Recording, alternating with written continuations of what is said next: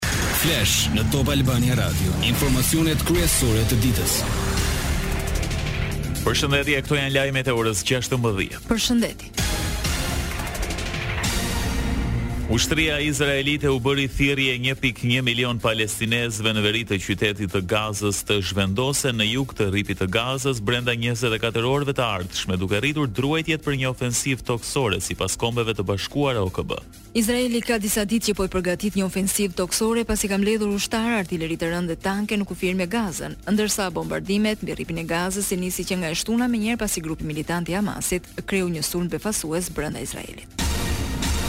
Organizata e Kombeve të Bashkuara njoftoi sot se mbi katërqind mijë njerëz kanë ikur nga shtëpitë e tyre në Rripin e Gazës dhe se njëzet e tre punonjës humanitarë janë vrarë që kur Izraeli nisi bombardimet hakmarrëse ndaj sulmit nga militantët e Hamasit në Izrael në fundjavë. OKB-ja ka kërkuar gati treqind milionë dollarë për të ndihmuar rreth një pikë tre milionë civilët në Gaza dhe në Bregun Perëndimor, kryesisht në ndihma ushqimore. Ushtarët izraelitë shpëtuan dyqind e pesëdhjetë pengjet që mbaheshin nga Hamasi, njësia elitare e Flotilës trembëdhjetë u vendos në zonën përreth Gardhit të Sigurisë së Gazës në një përpjekje të përbashkët për të rimarrë kontrollin e postës ushtarake Sufa. Mbi gjashtëdhjetë terroristë të Hamasit janë vrarë, ndërsa njëzet e gjashtë të tjerë janë arrestuar përfshirë Muhamed Abu Ali, zëvendëskomandant i divizionit detar jugor të Hamasit. Izraeli ka përdorur municione me fosfor të bardhë në operacionet e tij ushtarake si në Rripin e Gazës, ashtu edhe në Liban, theksoi Human Rights Watch. Organizata joqeveritare tha se këto armë i ekspozojnë civilët pa dallim ndaj rrezikut të vuajtjes dhe lëndimeve serioze afatgjata. I pyetur rreth akuzave, një zëdhënës i ushtrisë izraelite i tha Reuters se nuk ka dijeni të përdorimit të armëve që përmbajnë fosfor të bardhë në Gaza. Shtëpia e Bardhë u bëri jehonë thirrjeve për ndihmë humanitare dhe një korridor jashtë Gazës, ndërsa Izraeli po intensifikon përgjigjen e tij ushtarake ndaj sulmit të fundjavës nga militantë palestinezë të Hamasit. Zyrtarët e ndihmave thonë se nevojat humanitare janë të mëdha. Ka vetëm dy pika zyrtare të daljes nga Rripi i Gazës, si pasojë e bombardimeve izraelite. Të martën u godit kalimi kryesor, i cili të çon drejt Egjiptit, korridori tjetër të çon në Izrael.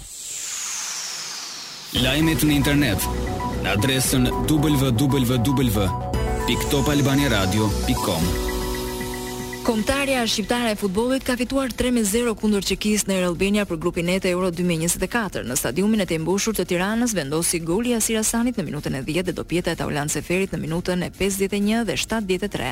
Me këtë sukses, djemtë e Silvinjos janë me një këmbë në fazën finale të Gjermani dy mijë e njëzet e katër.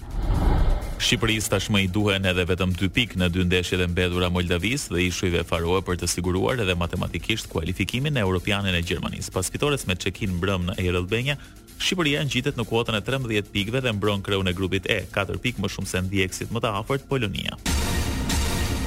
Policia e Tiranës ka prangosur dy persona, të cilët falsifikuan biletat për ndeshjen mes Shqipërisë dhe Çekisë, i shitën ato me çmime të larta. Bëhet fjalë për gjashtëdhjetë bileta të dublikuara që u shitën në të zezë me katërqind euro secila.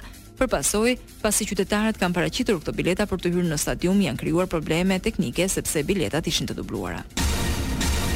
Teksa kuqezinjtë fituan bindshëm tre me zero ndaj Çekisë në Air Albania te çekët, trajneri Jaroslav Silhavi është në diskutim për të vijuar punën. Pas ndeshjes, numri një i stolit të Çekisë tregoi se ia ka frikën dhe një shkarkimi, megjithëse janë edhe dy ndeshje deri në fund. Duket se Shqipëria ha koka trajnerësh, teksa edhe kuqezinjtë mundën Poloninë trajneri i tyre Santos u shkarkua më pas. Një njëzet e nëntë vjeçar i shpallur në kërkim ra në prangat e policisë së Durrësit në kuadër të operacionit të koduar Fazat.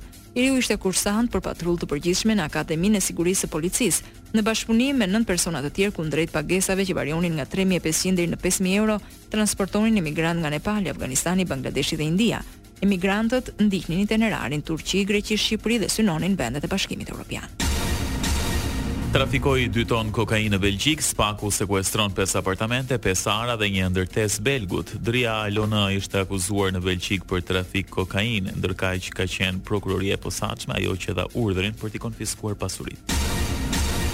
Kthimi i vendit në një destinacion turistik dhe hyrja e operatorëve ajrorë me kosto të ulët ka rritur ndjeshëm fluturimet tregtare në muajt e verës. Shqipëria renditet e para në Europë për rritjen e numrit të fluturimeve tregtare në periudhën qershor-shtator. Sipas Eurostat, u regjistruan gjithsej nëntëmbëdhjetë pikë tre mijë fluturime për katër muajt e sezonit me një rritje prej njëzet e shtatë pikë tetë për qind. Në Shqipëri, në korrik dhe gusht, për herë të parë u regjistruan më shumë se pesë mijë fluturime në muaj. Lajme nga rajoni. Senatorja amerikane Jeanne Shaheen tha se Serbia duhet të bashkëpunojë për hetimin e sulmit të shtatorit ndaj policisë së shtetit dhe se përgjegjësit do të sillen para drejtësisë. Shaheen e bëri deklaratën pas takimit që pati në Prishtinë me presidenten Vjosa Osmani. Ne jemi këtu për ta mbështetur Kosovën, tha Shaheen, duke u referuar vizitës së saj dhe senatorit Peter Welch. Lista Serbe thotë se është e gatshme të marrë pjesë në zgjedhjet e reja në veri. Deklarata u bë nga kryetari i Listës Serbe Goran Rakiç. Ai tha gjatë një konference për mediat në Mitrovicën e Veriut se Lista Serbe e mori këtë vendim në bashkëpunim me Presidentin Aleksandër Vuçiç. Rakiç theksoi se tani topi është zhvendosur në fushën e Prishtinës dhe se pret që në komunat në veri të Kosovës të thirren sa më parë zgjedhjet e reja. Parashikimi i motit. Edhe në vazhdim Shqipëria paraqitet në ndikimin e intervaleve të gjata me kthjellime në pjesën më të madhe të territorit. Përjashtim bëjnë zonat malore në verilindje dhe juglindje që kanë kalime vranësirash të pakta. Temperaturat luhaten në vlera ditore nga tetë në tridhjetë gradë Celsius. Ndoqët një përmbledhje kryesore të lajmeve të ditës. Edicioni informativ i radhës është në orën shtatëmbëdhjetë. Unë jam Edi Hallaçi. Unë jam Ani Bame. Kjo është Top Albania Radio.